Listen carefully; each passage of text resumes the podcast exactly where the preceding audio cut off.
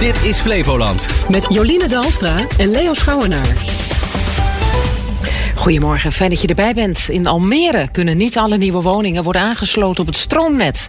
Dat is vol. Je hoort zo de reactie van de wethouder. En ziekenhuis Sint-Jansdal heeft een nieuwe afdeling geopend, de acute opnameafdeling. Wat dat is, hoor je zo.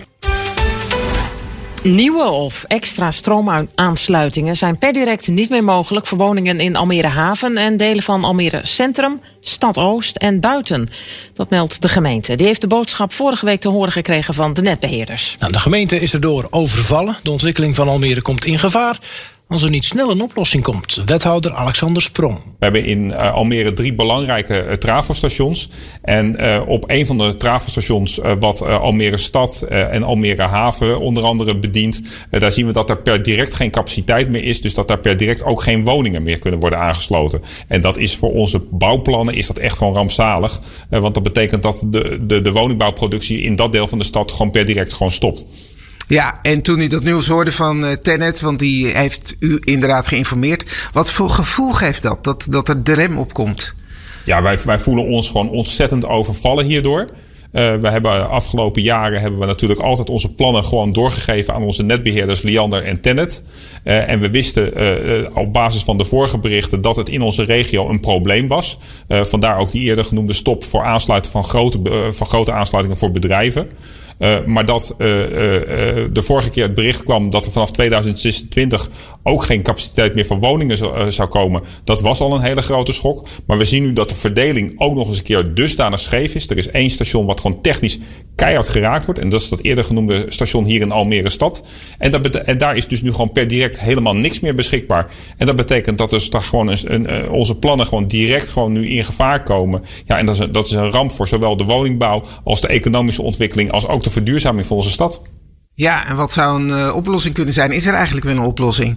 Ja, de echte oplossing moet natuurlijk komen uit het probleem wat dit allemaal veroorzaakt wordt. Er moet gewoon structureel extra capaciteit komen. Uh, we hebben uh, natuurlijk gehoord dat uh, Tenet dat hoopt vanaf 2029 op te lossen. maar we dringen er dus ook, gaan er dus ook echt bij het Rijk op aandringen dat daar echt maximale regie op komt. En dat men ook heel transparant is wat we daarvan kunnen verwachten.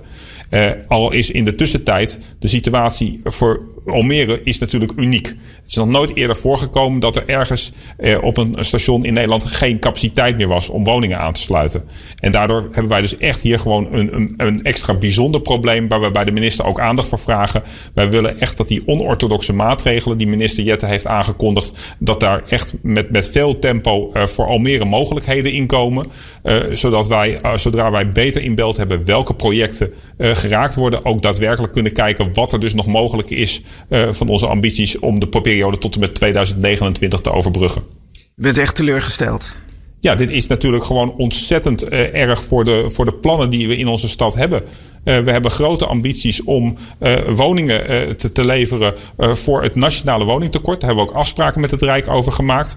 Wij willen extra bedrijven in onze stad laten vestigen, zodat mensen niet steeds buiten onze stad hoeven te, te reizen. We hebben plannen om onze stad te verduurzamen. En daar komt gewoon nu gewoon een streep door als dit probleem niet wordt opgelost. Want er is gewoon nu in één deel van onze stad gewoon per direct geen capaciteit om aan die plannen te werken. En dat was de Almeerse wethouder Alexander Sprong in een gesprek met verslaggever Roger Dankelui. Ziekenhuis Sint-Jansdal heeft in Harderwijk een nieuwe afdeling geopend. Op deze acute opnameafdeling komen patiënten die zijn doorverwezen vanaf de spoedeisende hulp of na een bezoek aan de polykliniek. Het gaat om een nieuw type afdeling eh, binnen het ziekenhuis. Internist Amanda Dijk van het Sint-Jansdal. Omdat voorheen mensen van de spoedeisende hulp rechtstreeks naar de verpleegafdelingen gingen. En nu hebben we afgesproken dat acute opnames van de spoedeisende hulp naar de acute opnameafdeling komen. Dus het is ook een gemengde afdeling waar allerlei patiënten van verschillende specialismen bij elkaar liggen. Ja. Dus aardige kans. Maar als je in Lelystad woont bijvoorbeeld en je hebt hulp nodig, het zou zomaar kunnen dat je op die nieuwe afdeling terechtkomt. Helemaal. We hebben een paar groepen uitgezonderd, bijvoorbeeld kinderen. En als je naar de intensive care moet, kan je natuurlijk ook niet naar de, spoed, uh, naar de acute opnameafdeling. Maar het, het grotendeel van de patiënten komt via de spoedeisende hulp op deze afdeling. Patiënten blijven maximaal twee dagen op de AOA. Door de nieuwe afdeling hoeven patiënten minder lang op de spoedeisende hulp te blijven. En de AOA zorgt voor meer rust op andere verpleegafdelingen, want daar hoeven s'avonds en s'nachts geen nieuwe mensen meer bij. De eerste patiënten worden vanaf vandaag, vrijdag dus, verhuisd. En dat is een flinke operatie, zegt Amanda Dijk. Om 8 uur gaat de acute opnameafdeling open. Dus dat is deze afdeling waar we nu zijn. Dat betekent dat zoveel mogelijk opnames van de spoedeisende hulp al naar de acute opnameafdeling kunnen. En dan kunnen we hebben rustig de tijd om in het weekend, volgens mijn vast eh, schema, de afdeling te gaan verhuizen. Ja, maar het is echt een militaire operatie. Hè? Alles moet tot in het detail kloppen. Alles moet tot in het detail kloppen. Er, zijn ook, er is ook meer personeel aanwezig dan normaal. Dus volgens het boek moet het helemaal goed gaan. Maar ook met deze afdeling is natuurlijk afwacht. Werkt alles naar behoren? Is alles aanwezig? Hebben we alles in kaart? Dus dat wordt heel spannend. Maar iedereen heeft er heel veel zin in. De nieuwe afdeling is onderdeel van een nieuwe vleugel van het ziekenhuis. In het nieuwe bouwdeel Zuid komt naast de AOA ook de hartbewaking, de IC, de kinderafdeling en de afdeling oncologie. Met bouwdeel Zuid is een deel van het Sint-Jansdal gerenoveerd. Andere delen van het pand komen nu aan de beurt. En die verbouwing heeft ook gevolgen voor de locatie in Lelystad, zegt zorgmanager Bart Valkema van Sint-Jansdal. Voor de mensen in Flevoland kan dit betekenen dat de afspraak verplaatst van Harderwijk naar Lelystad. Dus dat mensen niet meer hier in Harderwijk terecht kunnen voor een afspraak, maar naar Lelystad toe moeten. Ehm, en voor de rest gaat de zorg door zoals u dat van ons gewend bent. En dan gaat het om de dagbehandeling, hè? Ja, dat klopt.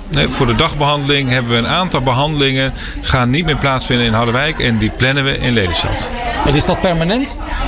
Nou, we gaan in ieder geval gedurende de verbouwing, de renovatie die eh, straks gaat plaatsvinden, eh, gaat dat gebeuren. Ehm, en dat is voor de komende drie jaar. En dat was Bart Volkema van ziekenhuis Sint-Jansdal in Harderwijk.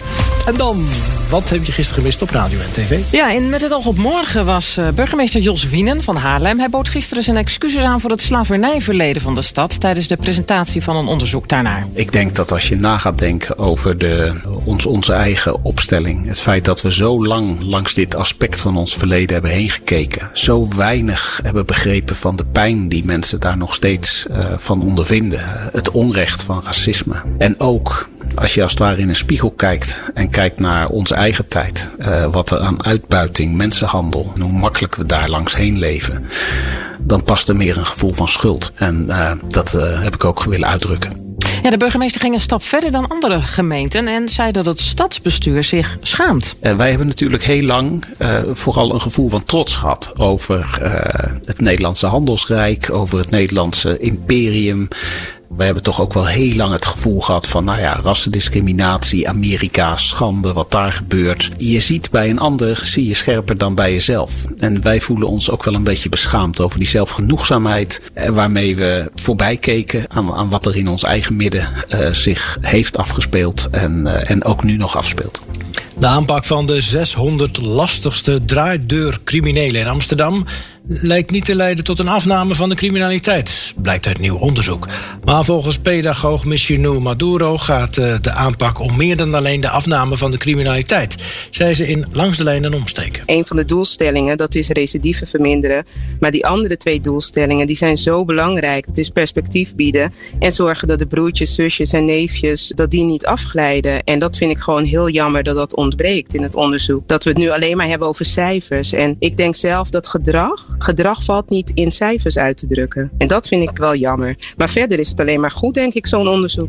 Maduro werkt met jongens uit die top 600. Ze hadden een boodschap voor iedereen die naar aanleiding van dit rapport meteen een punt achter de aanpak wil zetten. En natuurlijk hebben we momenten dat we zeggen van, oh, dit moeten we anders. Maar ik denk juist dat dat ook de kracht is dat we de ruimte hebben om te kunnen veranderen. Maar wat ik een beetje het tendens van deze tijd is dat dan komt soms een rapport uit, dan gaan mensen ermee aan de haal, zeg maar. Dus ik hoop dat we dit rapport juist als springplan kunnen gebruiken om te polijsten in plaats van af te breken. Nou, dat zou ik tegen ze willen zeggen.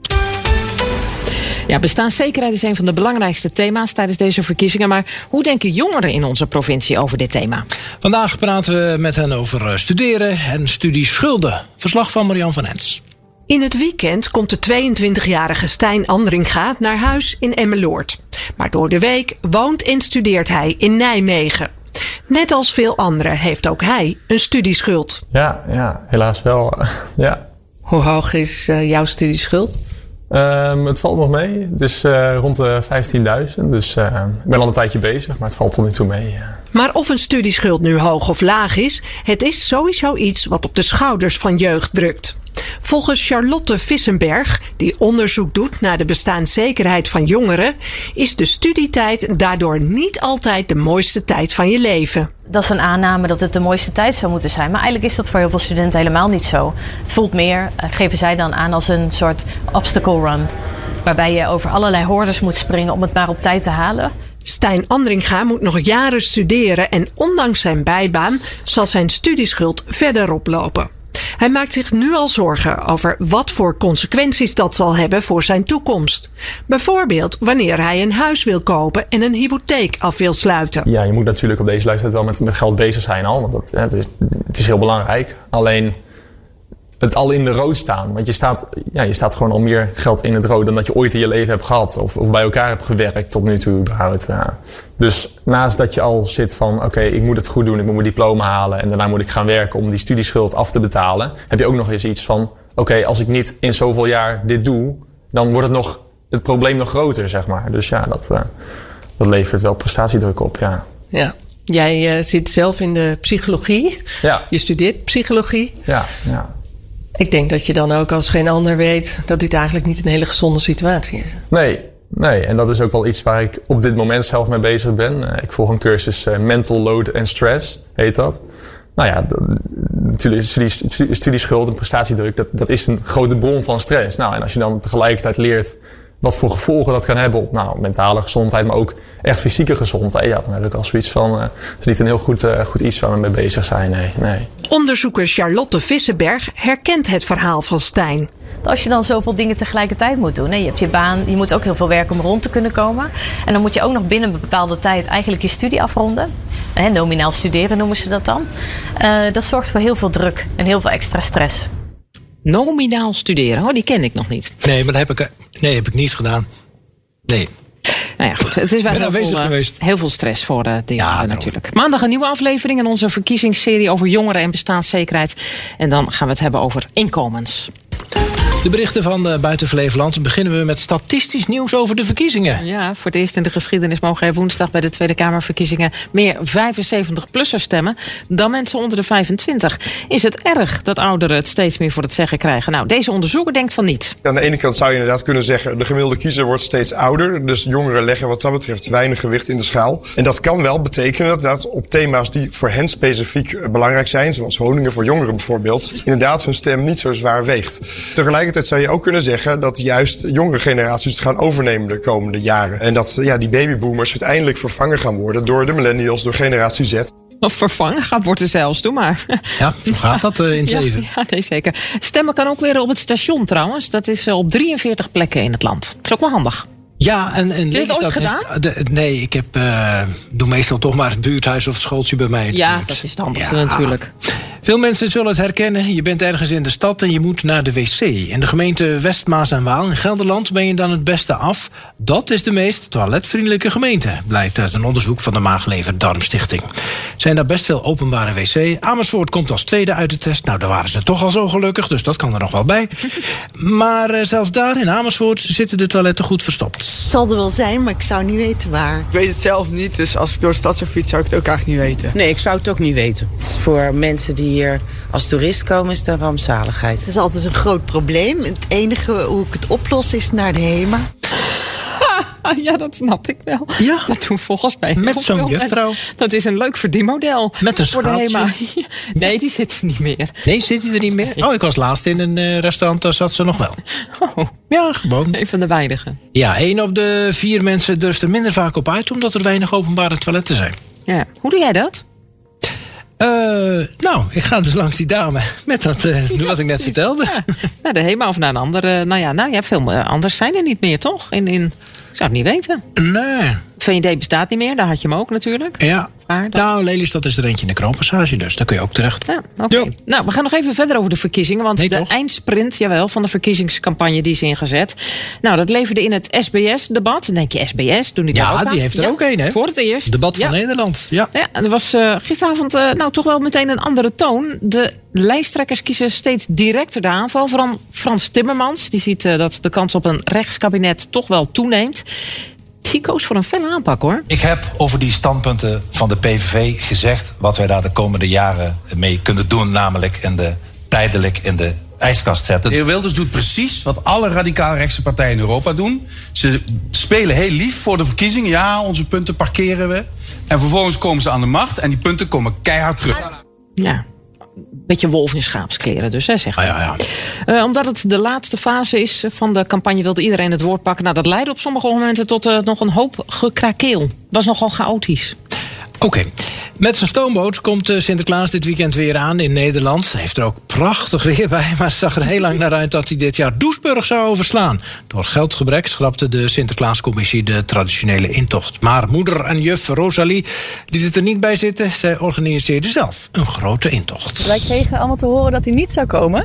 Eh, ja, en dat kan niet. Dat is gewoon geen optie. Ik bedoel, eh, Sinterklaas hoort erbij, ieder jaar weer. En ook dit jaar. Ja, dus hij komt hoor. geen paniek.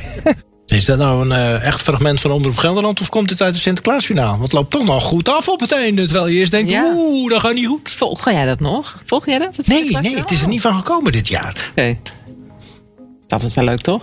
Jawel. Eh, en, en volg jij het dan? Nee, nee. Ook niet. En ook niet het programma dat erbij hoort, de speculatie die daarna komen. Oh, dat, dat hoor ik echt voor het eerst van. Ja, nee, dan wordt er eh, de, de, het zogenaamd journalistiek begint aan de boel na te praten. Oh, echt? Is ook allemaal dezelfde flauwke. Ja. Oh, we moeten toch weer een beetje bijpetoffelen op de televisie. Maar goed, gelukkig hebben we deze fragmentjes. En dat waren ze, de berichten van buiten Flevoland.